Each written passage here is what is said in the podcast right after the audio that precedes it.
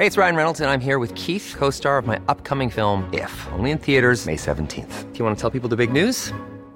All right, I'll do. Sign up now and you'll get unlimited for $15 a month in six months of Paramount Plus Essential Plan on us. Mintmobile.com slash switch. Upfront payment of $45 equivalent to $15 per month. Unlimited over 40 gigabytes per month. Face lower speeds. Videos at 480p. Active Mint customers by 531.24 get six months of Paramount Plus Essential Plan. Auto renews after six months. Offer ends May 31st, 2024. Separate Paramount Plus registration required. Terms and conditions apply if rated PG.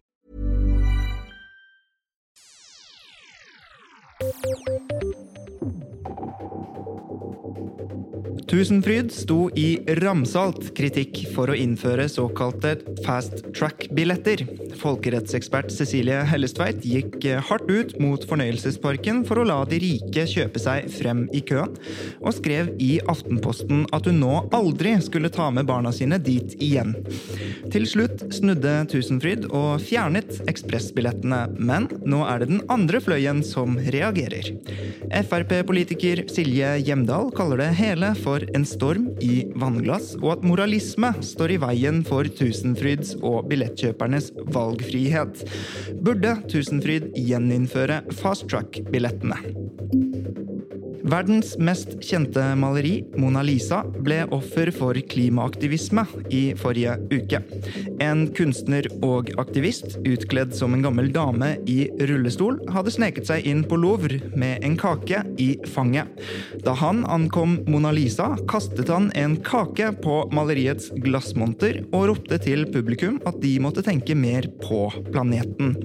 Samme uken hadde Extinction Rebellion limt seg fast til setene på Stortinget i protest mot klimapolitikken i Norge.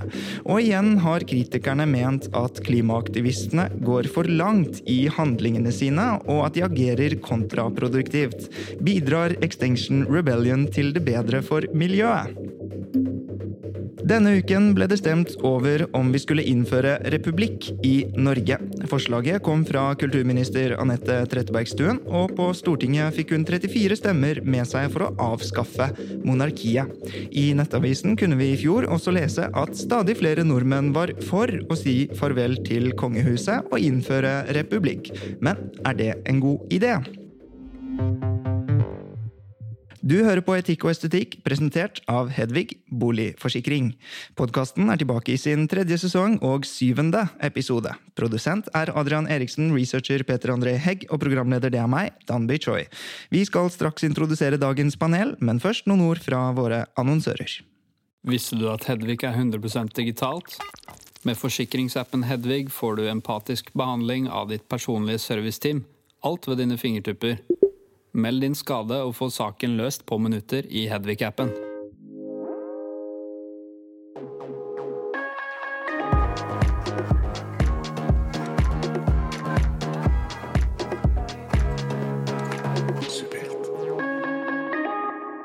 Med oss i dagens panel har vi intet mindre enn daglig leder for eh, Norske konsertarrangører, Tone Østerdal.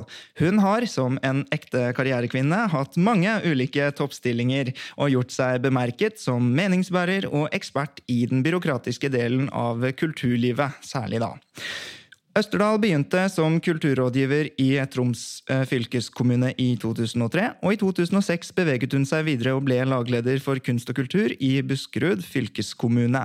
Der var hun i nesten ni år, før hun i 2015 ble seksjonsleder for kultur i Akershus fylkeskommune. Etter fire år ble hun daglig leder for Norske konsertarrangører. Østerdal har dessuten en rekke eh, styreposisjoner, og har hatt det i kulturlivet, bl.a. i Norsk publikumsutvikling, Drammen Drammen Scener, Mediefondet Zefyr og kulturtankesmien Kraft. I bagasjen har hun en bachelor i bibliotek og informasjonsvitenskap fra den daværende Høgskolen i Oslo, og en master i tverrfaglige kulturstudier på Høgskolen i Telemark. I tillegg har hun en rekke videreutdanninger. For sin tydelige stemme under koronapandemien ble hun nominert til Subjektprisen 2020. Ikke bare ble hun nominert av Subjekts redaksjonelle jury, hun ble stemt frem som den endelige vinneren av Subjekts ledelse kinesere. Østerdal var nemlig en tydelig stemme for kulturlivets krav og rettigheter under myndighetenes nedstenginger, og krevde gode krisetiltak for kulturlivet. Nå meldte hun nylig overgang fra det lille potetlandet Norge og til verdensbransjen, for hun blir nemlig direktør i Music Norway.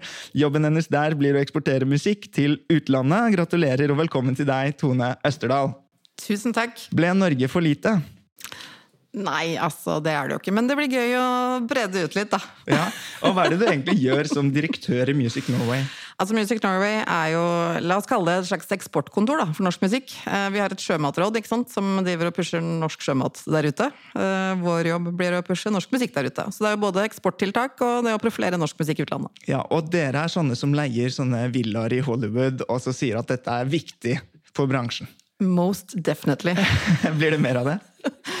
Ja, altså nå skal jeg jo ikke forskuttere hvordan jobben blir, jeg har jo ikke begynt ennå. Men ja, om det blir nok både en tur til Hollywood og litt andre steder i verden, eh, vil jeg tro. Det virker som en eh, veldig kul jobb. Men hva slags utfordringer er det kulturlivet står overfor akkurat nå? Er det ingen? Er det derfor du forlater NKA? Nei, det er dessverre, og heldigvis, vil jeg si, veldig mye mer å jobbe med uh, i kulturlivet. Uh, både her hjemme og ute.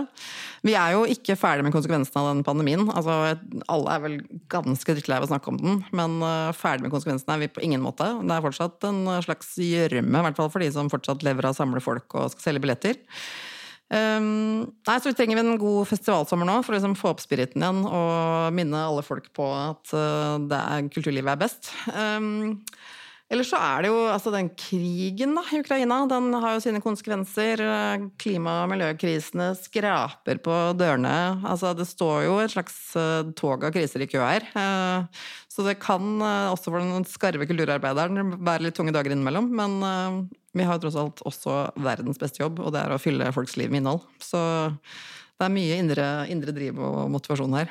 Du har jo hatt masse verv og stillinger i byråkratiet i kulturlivet. Og om kulturjournalister, sier man, eller om musikkritikere i hvert fall, så sier man at liksom de ble det fordi de var ikke gode nok til å synge. De var ikke gode nok til å spille gitar, og sånn, så de ble musikkritikere. Da. Det liksom, var det sånn for deg, eller hvorfor vil du jobbe med byråkratiet i kulturlivet?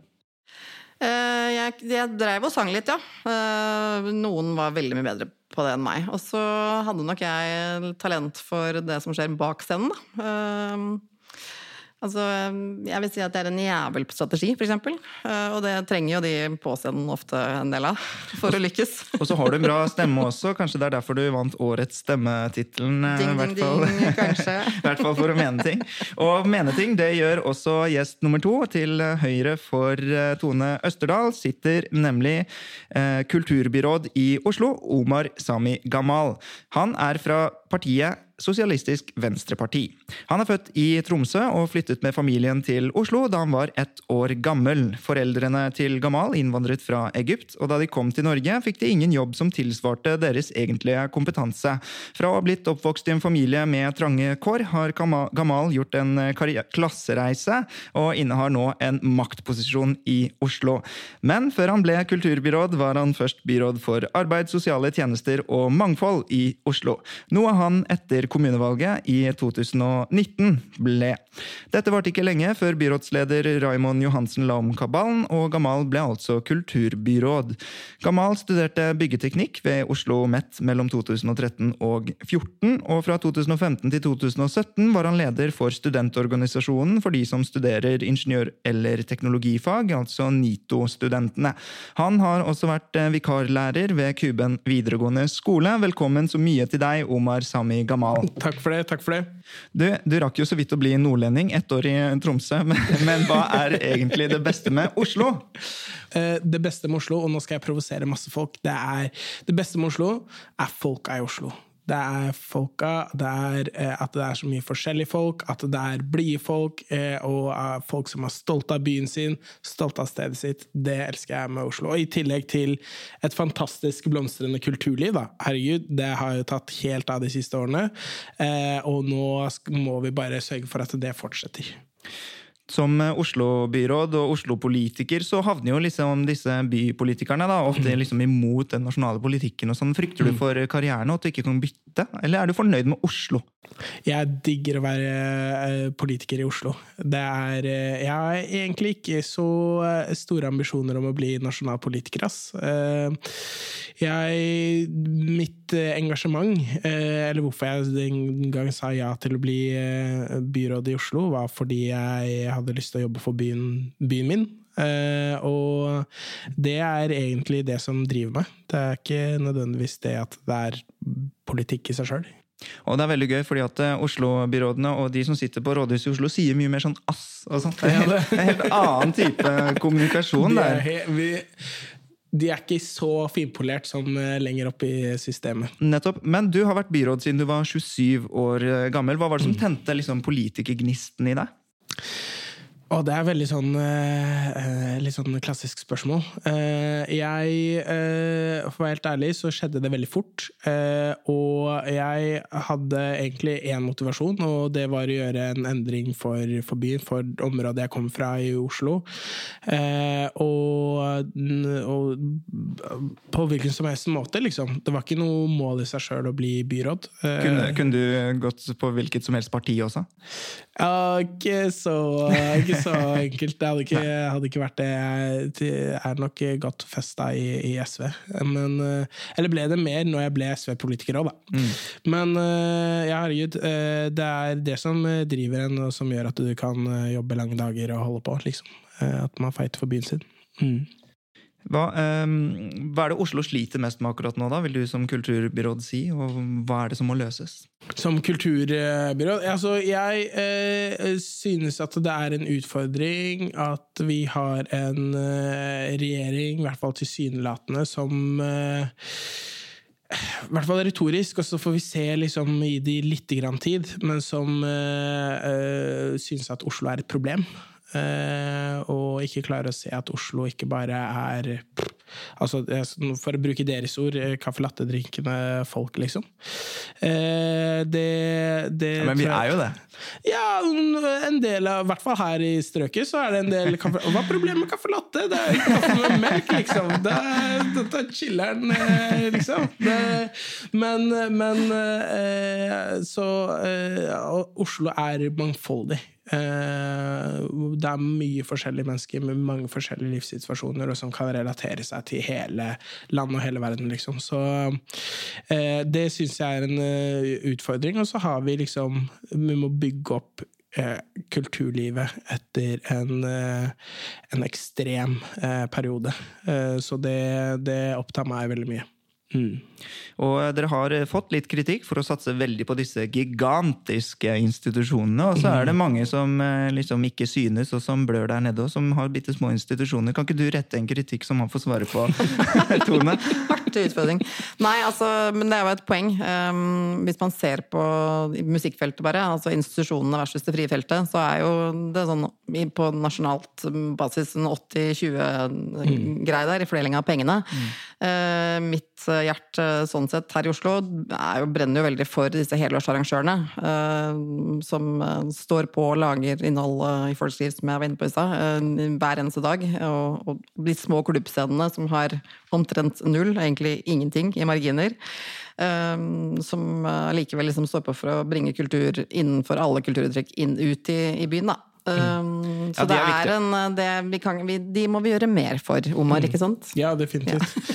Nei, helt enig. Uh, og vi har jo gjort det, og det har jo vært en langsiktig strategi fra kommuner, fra forskjellige byråder osv. Uh, å bygge opp disse institusjonene. Det som uh, Det opplever vi har hatt fokus på, selv om det liksom, disse institusjonene har blitt åpna de siste året, det er at vi skal bygge opp de, de mindre aktørene. Eh, og med det, ikke sant Nå skal jeg ikke snakke for mye liksom, sånn politikk eller sjølskryt, liksom, men vi har jo økt liksom, tilskudd og, og så videre. Eh, og så er det ekstra krevende nå.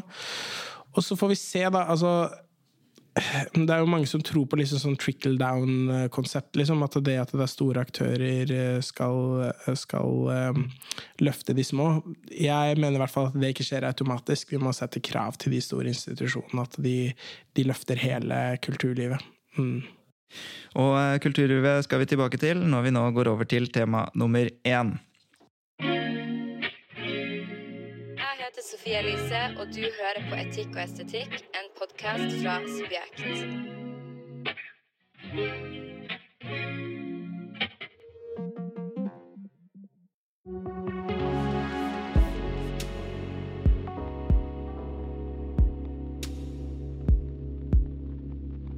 Tusenfryd sto i ramsalt kritikk for å innføre såkalte fast track-billetter. Folkerettsekspert Cecilie Hellestveit gikk hardt ut mot eh, fornøyelsesparken for å la de rike kunne kjøpe seg frem i køen, og skrev i Aftenposten at hun aldri skulle ta med barna sine dit igjen.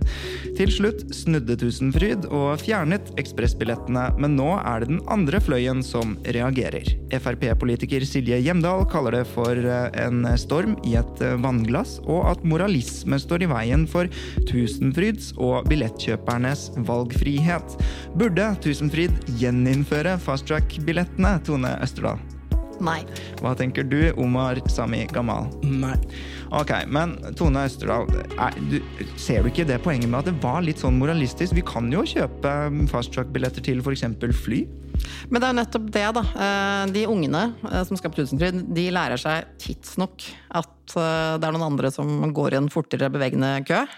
Og da tenker jeg at det, det er ingen som trenger å være naive, og det er ikke nødvendigvis moraliserende heller, men poenget er at må de lære det akkurat i køen på Tusenfryd, som er en greie hvor de gleder seg til, som de går og liksom har lyst til å Ja, sikkert en av høydepunktene i løpet av sommeren, da, å dra dit med familie og venner.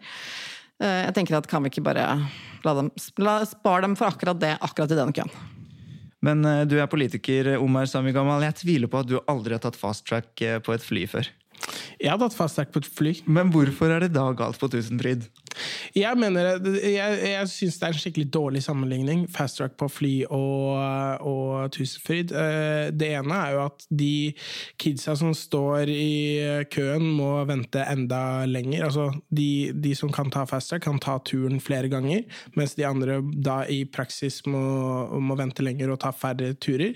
Mens alle kommer på det samme flyet når det er eh, fast track. Eh, Så, og så er det noe med at dette her er eh, dette her er barn, ikke sant? Eh, og eh, mm, deres liksom sånn Å liksom utsette dem for det som jeg opplever egentlig er liksom grotesk forskjellsbehandling, liksom. Det, det, det går jo på liksom rettferdighetsfølelsen løs, opplever jeg. Men verden er jo urettferdig. Kan du ikke bare en gang for alle lære det? Nei, vi skal jobbe mot at den skal, den skal bli mer eh, rettferdig, ikke sant? Så jeg, eh, jeg, altså jeg er ikke fan av fast track heller. Jeg prøver å, eh, prøver å ikke ta fast track. Jeg har ikke noen sånn bevissthet rundt det. det er, men ikke sant? jeg mener at sånne ordninger, at du skal kunne kjøpe deg ut av ting, eh, på sikt ødelegge samfunnet. Eh, og det er, jeg tror det kom til veldig uttrykk på Tusenfryd, da, der hvor man skal ha det fett. Og så tror jeg at Tusenfryd sjøl så at dette her er dårlig business, liksom. Ja, ellers så var det bare veldig dårlig business eh, å bli liksom så kritisert i offentligheten at til slutt bare måtte snu, da. Men, men eh, altså, eh, Hjemdal mener altså at man kan kjøpe ekstra tjenester på ulike områder, også benplass på fly, blant annet. Og hun drar jo frem dette valgfrihet-prinsippet, da. De må få lov til å bestemme selv hvilke tilbud de vil tilby. Kunder og så legger hun også til noen drar på, til Syden, noen drar på hytta, noen drar på campingtur, og noen drar til Tusenfryd. Og noen velger jo å ta liksom alt på en dag, noen velger å gjøre det på to dager. Hva er liksom i veien for at man kan gjøre altså, altså Er det barna bare det at de ser andre gå foran i køen, som er det eneste hensynet her? I hovedsak ja, vil jeg si. Og, og som jeg var inne på i stad, altså jeg skjønner bare ikke poenget. Altså, jo, verden er urettferdig, og vi, de kommer tidsnok til å lære det, eh, at den er det. Men eh, jeg ser liksom ikke poenget med at vi skal lære dem det akkurat i den køen. Eh, fordi hva, hva blir bedre for de andre barna, liksom? De lærer seg også det motsatte. De som har foreldre som kan betale dem frem i den køen, lærer seg også at det er sånn livet er. Og det er jo ikke sikkert at det er sånn livet blir for de. Det er ikke all velferd og, og rikdom som nedarves. Så jeg tror også man lærer opp de barna som går i den fast-tracken, til å kanskje bli litt mindre sjarmerende mennesker enn de som står i den andre køen. Men kan man ikke også lære dem at eh, valgfrihet er et gode? da? At man faktisk kan, altså, Jeg syns det overses litt her. at eh, man faktisk kan, De har bestemt seg for å ikke kjøpe brus i dag, men gå fort gjennom køene. altså Blir ikke samfunnet litt vel moralistisk, og liksom majoriteten bestemmer alt? Altså, det det er litt sånn eh, At det på en måte blir sånn eh, verdidebatt er litt sånn eh, for, for meg i hvert fall så handler det om at at helt praksis så, så synliggjør man forskjellene i samfunnet. der hvor vi mm, prøver å skjerme barn så langt det lar seg gjøre, og, og på en måte å oppleve det. Eh, som Tone sier, man kommer til å oppleve det tidsnok. Valgfrihet. Du har valgfrihet, du trenger ikke å gå på, på Tusenfryd, liksom, hvis du mener at eh, Altså, har du, har du veldig stort behov for å for å ta fast track på, på Tusenfryd, så kan du stikke til et annet, eh, en annen fornøyelsespark, liksom. Men, ja, eh, men det var ja. ikke så enkelt, fordi at Aftenposten har eh, gjort noen undersøkelser og ringt liksom konkurrerende steder. da, Og ingen av de andre kunne liksom innrømme at de hadde et sånt system. da. Og i hvert fall ikke nå, vil jeg tro. Det er jo skikkelig upopulært, rett og slett. Og det vil jo si at Tusenfryd vil være et dårlig tilbud for alle. Du kan ikke engang kjøpe deg en garantert tur. da. Man må, man må potensielt stå timevis for å ta speedmonster og sånn. At det blir eh, eh, Altså, hvis de har et så dårlig produkt at eh, de må liksom løse det med fast track, da tror jeg de har større problemer. Og får helt ærlig, liksom altså, Jeg tror folk altså et, mm, Hvis jeg skal prøve å liksom se det fra et markedsperspektiv, da, i Norge, du må forstå markedet du er i, ikke sant? Folk hadde opplevd at det hadde vært eh, urettferdig, eh, og hadde fått en dårligere opplevelse på Tusenfryd eh, som følge av det. Og, og jeg tror det på sikt hadde vært, vært en dårlig, dårlig strategi for, for Tusenfryd. Men det finnes, det finnes jo f.eks. For forskjellige billettkategorier og sånn på forskjellige konserter osv. Der har jeg ikke hørt du gå ut mot din, mot din egen bransjetone.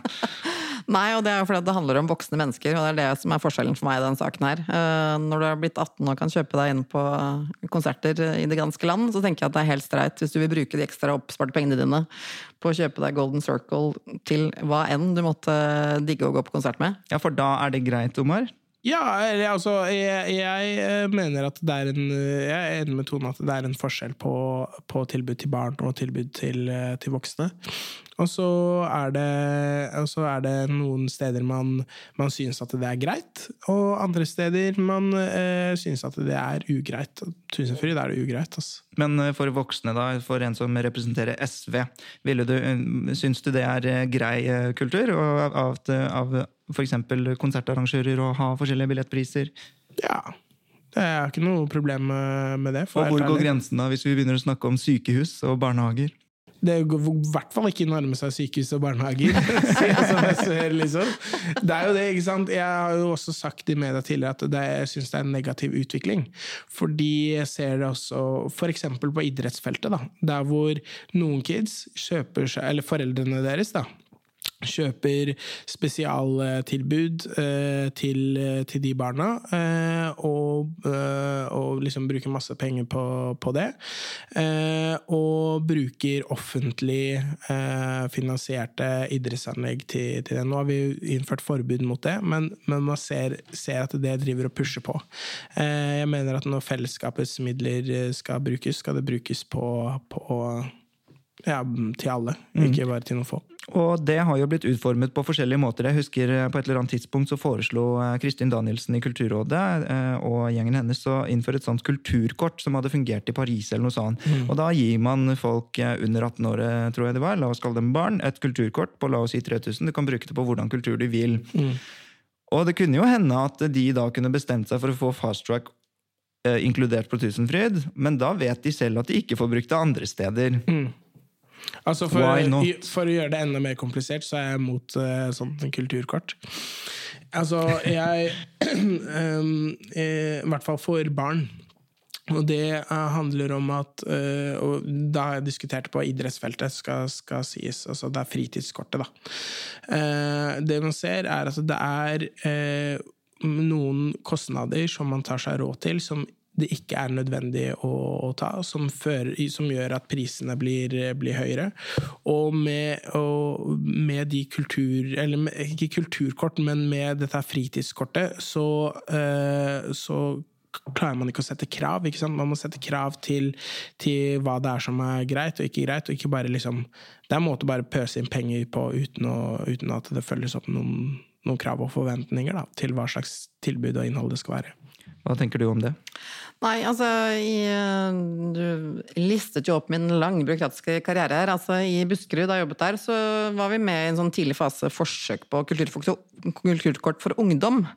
Eh, men det har alt å si hvordan du innretter de. For det vi så som resultat der, var at de kulturkortene ble brukt av allerede ganske ressurssterke ungdommer, som uansett hadde hatt råd til det meste, som jo egentlig da bare fikk billige billetter til det de allerede egentlig hadde råd til. Eh, som jeg tenker er ganske dårlig bruk av det offentliges penger. Så, men eh, ja, så det er en veldig tricky måte du må løse de, liksom innrette de kortene på, hvis de skal treffe som et reelt utjevnende tiltak. Da. Yo! Det er Uge Marstein eh, her, fra Undergrunn Klikk. Du hører på Etikk og estetikk av Subjekt. You know the shit.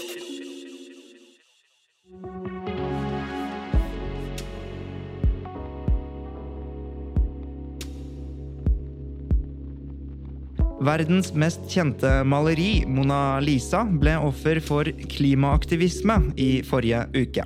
En kunstner og aktivist utkledd som en gammel dame i rullestol hadde sneket seg inn på Louvre i Paris med en kake i fanget. Da han ankom Mona Lisa, kastet han denne kaken på maleriets glassmonter og ropte til publikum at de måtte tenke mer på planeten. Samme uken hadde Extinction Rebellion limt seg fast til setene på Stortinget i protest mot klimapolitikken i Norge. Gang på gang har kritikerne ment at disse klimaaktivistene går for langt i handlingene sine, og at de agerer kontraproduktivt. Bidrar Extinction Rebellion til det bedre for miljøet? Omar Sami Gamal. Ja. Hva tenker du, Tone Østerdal? Nei, jeg faller ned på nei, altså. Veldig bra. Og hvordan kan du mene det når de er så irriterende, Omar Sami Kamal? altså, eh, jeg eh, Altså eh, for meg så eh, gjør det ikke så veldig mye, ass. De, altså, de limer seg fast i bakken. Ja. Og i USA så er det sånn folk, eh, Arbeidsfolk er sånn, de skal komme seg på jobb, ha to mm. prikker. Får ikke, mm. altså, de får seriøst sparken. Og så er det sånne I USA? Video, ja, jeg har sett da kan de lime seg i, i Norge, da. Ja, ja, men de gjør jo det i Norge òg. Men liksom, folk mm. får sparken for å komme for sent, og så har de to prikker fra før, og så får de sin tredje pga. det her. Og er det liksom vanlig, vanlige folks feil? De skader ikke noen, da. Jo, men det er det de gjør. Kanskje nei, denne personen Nei, altså at du kommer litt for sent til jobb. Altså, kommer for sent til jobb fordi trikken eh, ikke går, liksom. Og så har vi um, Altså, det, jeg er opptatt av når det gjelder klimakrise, er jo liksom bare Vi må gjøre noe, liksom. Der, eh, og hvis de klarer å få fokus på klimakrisen, så syns jeg at det er fint. Jeg har egentlig ikke noe mot det. De, altså det, det går utover dem sjøl. Uh, og de tar den kampen. All ære til de. Um, jeg har ikke noe problem med Extension Rebellion. for men, helt ærlig. Men du som til og med er politiker og er, må jo være veldig opptatt av at demokratiske systemer funker. og sånn. Tenk om alle tok loven i egne hender da, og stanset trafikken for sin sak? Ja, altså, Sivil ulydighet har jo vært et uh, verktøy som har funka, det. Uh, om det har vært uh, Lofoten, Vesterålen eller andre steder. Jeg syns at det Altså hvis folk ønsker det. Altså, det er jo ikke sånn at det ikke er noen lover og regler. De må jo ta konsekvensen av sine, sine handlinger. Og hvis det, de mener at saken er så viktig, og dette er en viktig sak, så øh, mener jeg at det er i deres eh, fulle rett å, til å, gjøre det, så lenge de tar konsekvensen etterpå. Så lenge prisen er verdt å betale, på en måte, sier Omar Sami Gamal. Men du konkluderer annerledes. Hvorfor? Fordi jeg tror de bidrar til en um, Litt kanskje ufrivillig og ubevisst en latterliggjøring av uh, vår tids største krise. Um, jeg tror at de bidrar til at de som prøver å snakke klokt om klima- og miljøkrisene, ikke blir hørt på samme måte. Og det er synd, fordi eh, altså Det jeg er enig med dem i, da, er jo at den norske klimapolitikken er overhodet ikke god nok og presis nok. Eh, så jeg tror liksom jeg er enig med dem i, i målet, men eh, som sagt, jeg tror metoden deres eh, faktisk skader saken mer enn den gjør dem godt. altså. Nettopp. Og um, hva tenker du om akkurat det aspektet ved det? Hva hvis klimakampen svekkes av uh, Det er jo det egentlig som ligger i spørsmålet her. Av den typen av aktivisme. Nei, altså eh, Jeg syns det er veldig gode, gode poenger som eh, Tone har. Eh, og vi er forskjellige, forskjellige folk eh, som liksom agerer forskjellig på, på, sånne, på sånne ting. Eh, noen bare tenker at da klimakrisa er bare noe, noe tøv. Eh, andre våkner opp fordi det er noe ekstremt som, som skjer. Så eh, det er jo ikke sånn at eh, Extension Rebellion er liksom en armada. Eh, det er jo en eh, gjeng som holder på med dette. Eh, hvis de ønsker det, så tenker jeg at de, de kan gjøre det. Og så, I forhold til klimasaken så er det liksom jeg tror vi bare må få nok bevissthet knytta til saken. Det er liksom, nå har vi hatt to år med pandemi, og klimasaken ble glemt eh, totalt, liksom. Eh, Så, Ja, Klimakampen har jo blitt glemt, eh, Tone. Så, Det er jo det så som er problemet. burde de ikke bare gjøre et eller annet for å få masse oppmerksomhet? da? Jeg jo, altså, jeg jobber jo i kunstfeltet av en grunn. Altså, jeg tror jo på distributiv kraft og hva det kan gjøre. Jeg bare tror ikke at den, dette utløpet for det er det som er smartest. Altså, når de limer seg fast i gelenderet på Stortinget, da, og Stortinget må avbryte behandlingene sine og, og, og settes på vent, så som sagt så tror jeg bare ikke at de som er litt sånn ja, til klimakampen, blir motivert. Jeg tror de blir irritert og tenker at gjengen der orker jeg i hvert fall ikke å forholde meg til. Og så blir jo politikerne som driver med klimakamp, litt sånn, eh, i hvert fall av deres opposisjonelle sammenlignet med dem. Da det er dem, liksom. Klimahysterikerne. Men det blir jo et sånn tilfelle på sivilisasjonell em, motpoler, egentlig. I galleriet der så var det liksom eh, sivil ulydighet, og nede der så prøvde de å ha liksom det mest formelle møtet noen eh, gang i Norge, liksom. Eh, eh, og det både flere unge også begynner å reagere på nå, er jo at eh, vi har jo Du sier at sivil ulydighet kan være verdt det, men, men vi, vi har jo også så mye ytringsfrihet, så gode demokratiske systemer. Man kan nærmest ringe deg em, fra hvem som helst. Hvorfor skal man i et land som Norge uh, egentlig svekke demokrati, demokratisk tillit og system som vi har bygget opp gjennom sann aktivisme? Gamal. Nei, men altså, Hvis man tenker eh, ytringsfrihet som et uh, argument mot, så tenker jeg at det er et argument for. Ass. Det er jo uh, en måte å, å ytre seg på og uh, lime seg fast utenfor et ja, Om det er Olje- og energidepartementet eller Stortinget eller hvor det er. Og så Jeg er enig i at man skal ha respekt for, for Stortinget. Men, hvordan, men helt konkret, hvordan tror du denne kampanjen vil eh, til, føre til at flere tilslutter seg klimakampen? Jeg tror, eh, jeg tror, For helt ærlig, så tror jeg majoriteten av befolkninga er tilslutta klimakampen. Det er folk, I hvert fall her, eh, her hjemme så er folk opptatt av det. Og så handler det om hva er det som er i bevisstheten din eh, i, i, for tida, liksom. Eh, Er det økende strømpriser og matpriser? Er det eh, klimakrisen? Er det eh, pandemi? De store utfordringene. Er det krig? Eh, Og de ønsker å bruke de eh, virkemidlene som de bruker, da, til å få fokuset på klimakrisen. Men det, det er jo, At du nevner pandemi, er jo interessant. da. Fordi Hvorfor er det ikke mer av den standhaftigheten som Norge viste i, i kampen mot pandemien? I kampen mot klima- og miljø- og naturkrisene?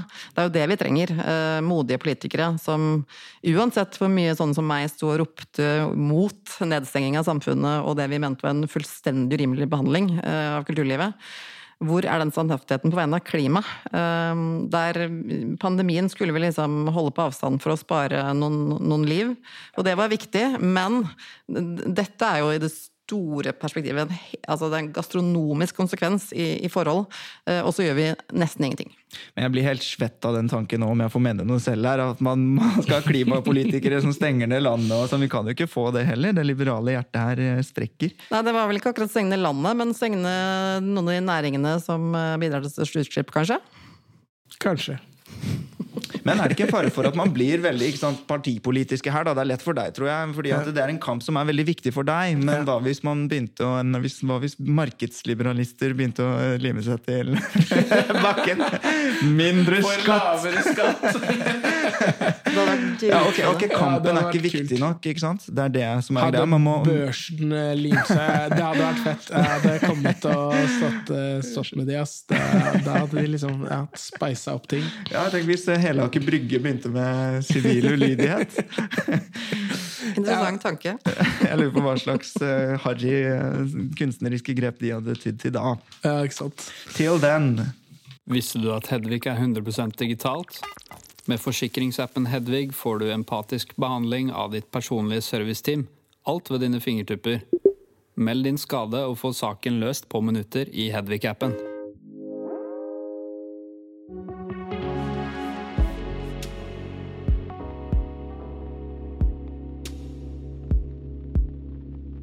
Denne uken ble det stemt over om vi skulle innføre republikk i Norge. Forslaget kom fra kulturminister Anette Trettebergstuen, og på Stortinget fikk hun 34 stemmer med seg for å avskaffe monarkiet.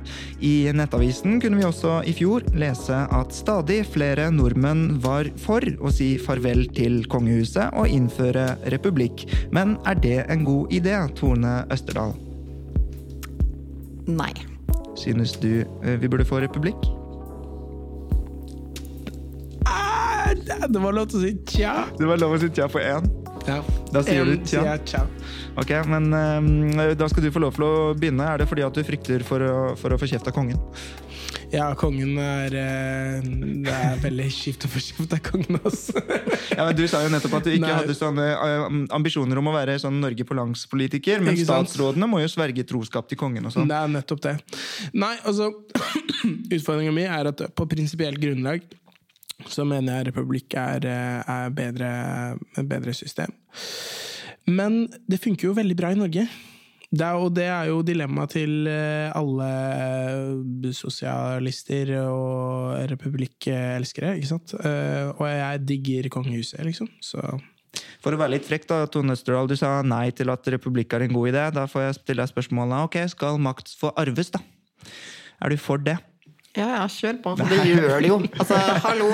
Nei, men altså, jeg må Jo, ja, ikke sant. Selvfølgelig. Det, apropos dagens første tema. Ja, apropos, ja. Eh, Men, eh, men nei, altså, jeg må innrømme at her så svarer jeg liksom med hjertet. Altså, jeg er så hardcore realist. eh, liksom Med tanke på vårt eget kongehus. Er du det? Eh, ja, ja. Altså, jeg, du I kid you not. Altså, det der, du vet, NRK sender det derre Året med kongefamilien.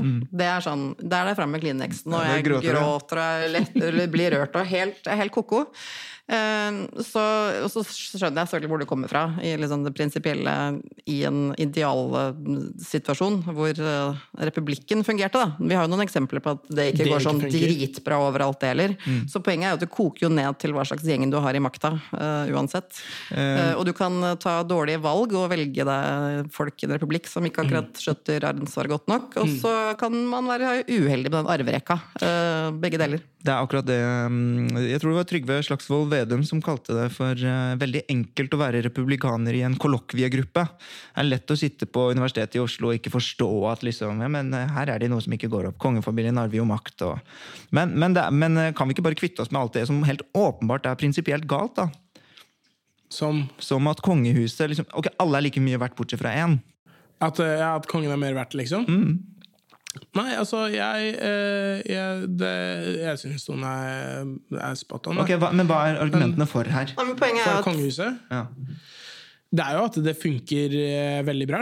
Altså demokrati Ikke bare, ikke bare funker eh, kongehuset bra, men eh, demokratiet i Norge fungerer veldig bra. Eh, og det har ikke bare nødvendigvis med kongehuset å gjøre, men det har med at i Norge så har vi et politisk system som er veldig basert på tillit eh, og fellesskap osv., og, så videre, og det funker veldig bra. Og vi har kongehus som, som har eh, tillit i befolkninga og respekt, ikke sant? Eh, og deler verdiene som majoriteten av befolkninga har. Da. Det er ikke noe Det spørs jo hvordan man definerer elite, liksom. Men eh, de er i hvert fall, det fins verre kongehus rundt omkring. Ja, men eh, Tage Frølich, eller hva han heter i Høyre, var sånn, mm. det var noen som sa at eh, monarkiet var udemokratisk. Så sa han sånn det er en myte at eh, monarkiet ikke er eh, demokratisk. Kongen ble jo valgt i 1905. Og så er jeg sånn, ok, ja, men hvilken president ble valgt i 1905 og har sittet siden? Det er. Jo, men Poenget er jo at eh, jeg, jeg vil også moderere denne påstanden om at demokratiet funker så innmari bra alltid. Altså, Politikken er per definisjon eh, veldig kortsiktig. Og den blir mer og mer kortsiktig også i Norge, selv om vi kanskje er en av de mer velfungerende demokratiene. Eh, Omar kjenner på at han skal på valg om ikke sånn kjempelenge. Det er ikke langt unna nå at Omar kan begynne å ta noen litt mindre kloke beslutninger basert på at han skal på valg. Eh, Så det der at liksom I eh, hvert fall kollegaene mine. I hvert fall de andre partiene. ja, jeg skjønner, du er selvfølgelig veldig klok alltid. Men dere skjønner hva jeg mener. Eh, Så at det er eh, Og apropos klimasaken, som jeg nettopp diskuterte. Det, det er jo et eksempel på at demokratiet faktisk ikke fungerer. For det er ingen politikere som vil ta de brutalt upopulære valgene og stå i de over tid, fordi da blir de ikke valgt på nytt. Uh, Slagsvold Vedum må i hvert fall ikke stå i å ta fra folk dieselbilen sin. ikke sant? Eh, det er jo helt uaktuelt. Så, så jeg vil moderere den påstanden om også at demokratiet er altså den mest velfungerende mekanismen alltid. Men, eh, men eh, likevel så er det jo eh, som, som prinsipielt så likevel det beste, ikke sant? Ja, eller opplyst alltid. Nei, selvfølgelig. Hvis jeg fikk være sjef. Nei, nei da, jeg, selvfølgelig er det jo det. Eh, Men, eh, og, og så sier man jo alltid sånn at folk får de politikerne fortjener. Ja da, kanskje der og da i et øyeblikksbilde, men eh, de politikerne har jo også fri vilje og, og tar sine veier. Så nei, det er sammensatte greier. Ok, så hva syns vi, Nå skal vi eh, sladre litt om Anette Trettebergstuen. Hva syns vi om at hun, ikke sant, når hun går inn i statsråd, så må jo hun sverge troskap til kongen? Og den, eh, den troskapsbeskjeden Herregud, for et eh, Ja, wow. Men hun, legger, ikke sant, hun sverger på alt mulig rart da, om at hun skal love å være tro til konge og monarki og alt sånt. Og så går hun ut inn der på middag og på fredager, og så går hun i Stortinget og bare Hei, vi skal ikke avskaffe det monarkiet, da. Liksom det, hva syns vi om det? Er det greit? For å være helt ærlig, eh, så, så tror jeg at um, Uten at jeg kan lese tankene til Anette i det hele tatt, liksom. Men um, jeg tror det er også liksom eh, En del av vurderinga, i hvert fall, har vært at uh, det er en måte å forankre det uh, systemet som vi har i dag, uh, ved at det falt i Stortinget.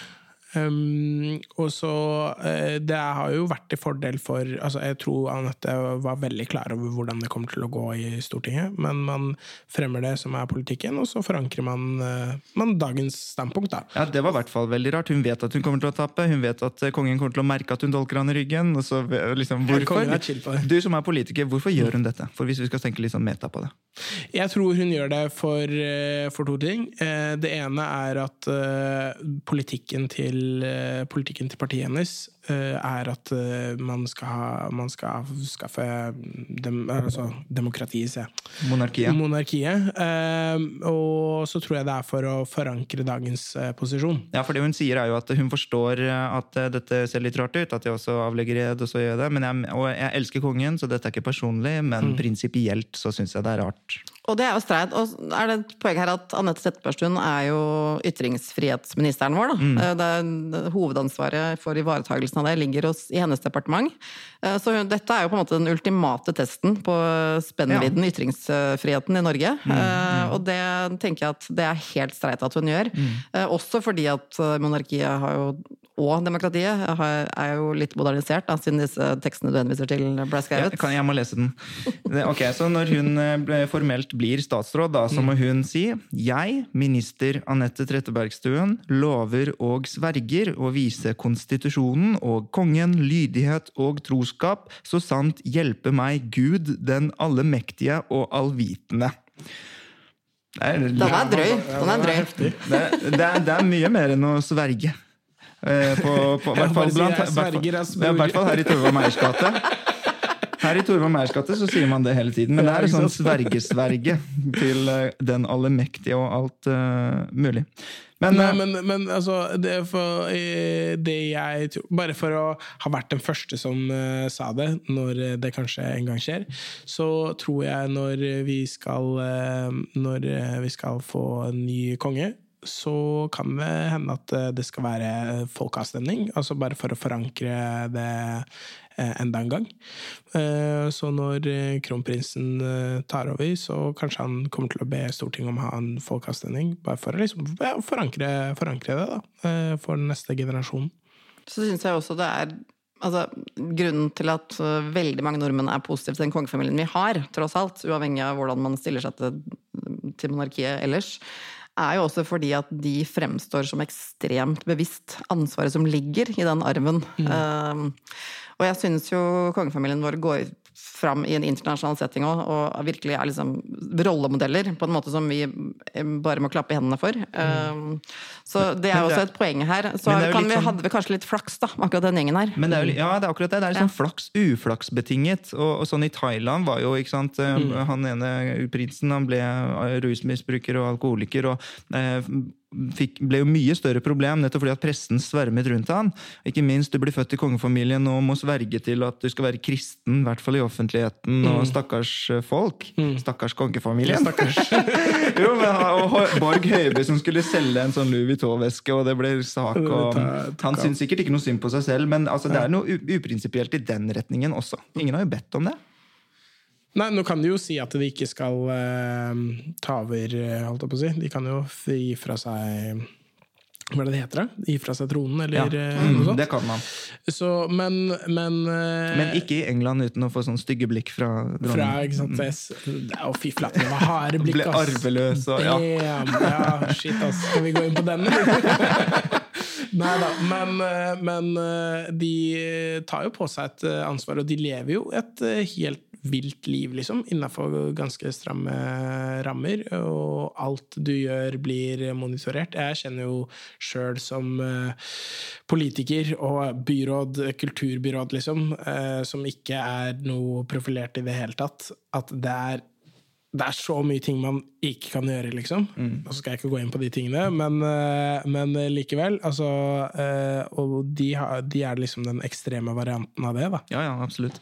Men eh, nå skal jeg også ta de eh, dere Eller altså Høyre sier jo ofte at eh, det er bare tull at det er udemokratisk osv. Og, så videre, og det skal jo sies at hadde Anette Trettebergstuen fått flertall nå, så hadde vi jo faktisk hatt mulighet til å avskaffe kongefamilien og sånn. Jeg jo tror hun var veldig klar over hva hun gjorde, ass, eh, for helt ærlig. Og så ehm, Men, Ja. men det jeg tenkte hun kanskje var mer klar over, var at hun kanskje skulle bli mer populær nå enn i fjor. fordi at um, i befolkningen så er dette mer, stadig mer populært, men blant eh, stortingspolitikerne er det mindre og mindre populært. Det virker jo som om noe skjer i den middagen på Slottet. Ja, ikke sant? Det Men det er jo god stemning. da. Kongen, Ja, eh, far med litt vitsing og nettopp. fleipe litt med dronningen. og, Ikke sant? Det er, eh, det er Jeg, jeg, ble, jeg ble også mye større tilhenger av monarki etter jeg ble invitert på Slottet en gang. ja, faktisk. ikke Der ser du. Jeg har lurt Lettlurt. jeg har vært eh, på Jeg må bare liksom eh, name-droppe det, jeg på si. Jeg var på Skaugum, ass. Ja. Inne i huset Wow. der. Det var eh, heftig shit. Og der gikk du fra avskaffe kongefamilien ja til avskaffe kongefamilien nja. Ja. Det var dritchill, altså, for å være helt ærlig. Nei da, men ja, det er noen uh, republikanere som kommer til å bare klikke på meg nå, liksom. Men, Ja, ja. men de er kule folk. Ja. Det er, jeg, er tror folk opplever, opplever det. Og hvis de ikke hadde vært kule folk, så hadde folk eh, vært mer kritiske. Det er, jeg tror det er, det, er konklusjonen, kanskje. Mm. Ja. Men det er i hvert fall eh, lenge igjen til noe eh, flertall på Stortinget. Hun fikk altså 34 med seg, eh, og må være 113 for å være et eh, flertall i, eh, blant de 169 representantene, fordi at en grunnlovsendring må ha to tredjedelers flertall. Så hun får jobbe med vervinga. Og til da Lykke til. Yes, må jeg si tusen takk for besøket, Tone Østerdal og Omar Sami Gamal. Takk for at du kom. hyggelig. Veldig hyggelig. Du hører på Etikk og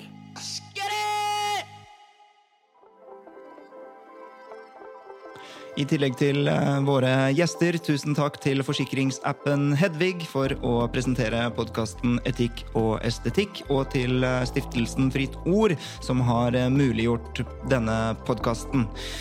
Følg Subjekt der det er mulig å følge oss, på Facebook og på Instagram. Og Etikk og estetikk har jo som kjent en egen debattgruppe med nærmere 3000 medlemmer på Facebook. Den heter Etikk og estetikk. Så om du ikke er medlem i den gruppen fra før av, så anbefaler jeg deg å bli medlem der, for der tas det opp temaer som interesserer subjekt generelt, men særlig da podkasten Etikk og estetikk spesielt. Hvis du likte podkasten, så håper jeg at du kan stjernerangere oss um, i de plattformer som tilbyr det, enten det er Spotify, Apple Podcaster, Soundcloud eller andre tilsvarende podkastplattformer der du hører på oss akkurat nå. Og med det så har jeg lyst til å takke for følget. Mitt navn det er Danby Choi, så poddes vi om en uke, også da med et stjernespekket lag av gjester.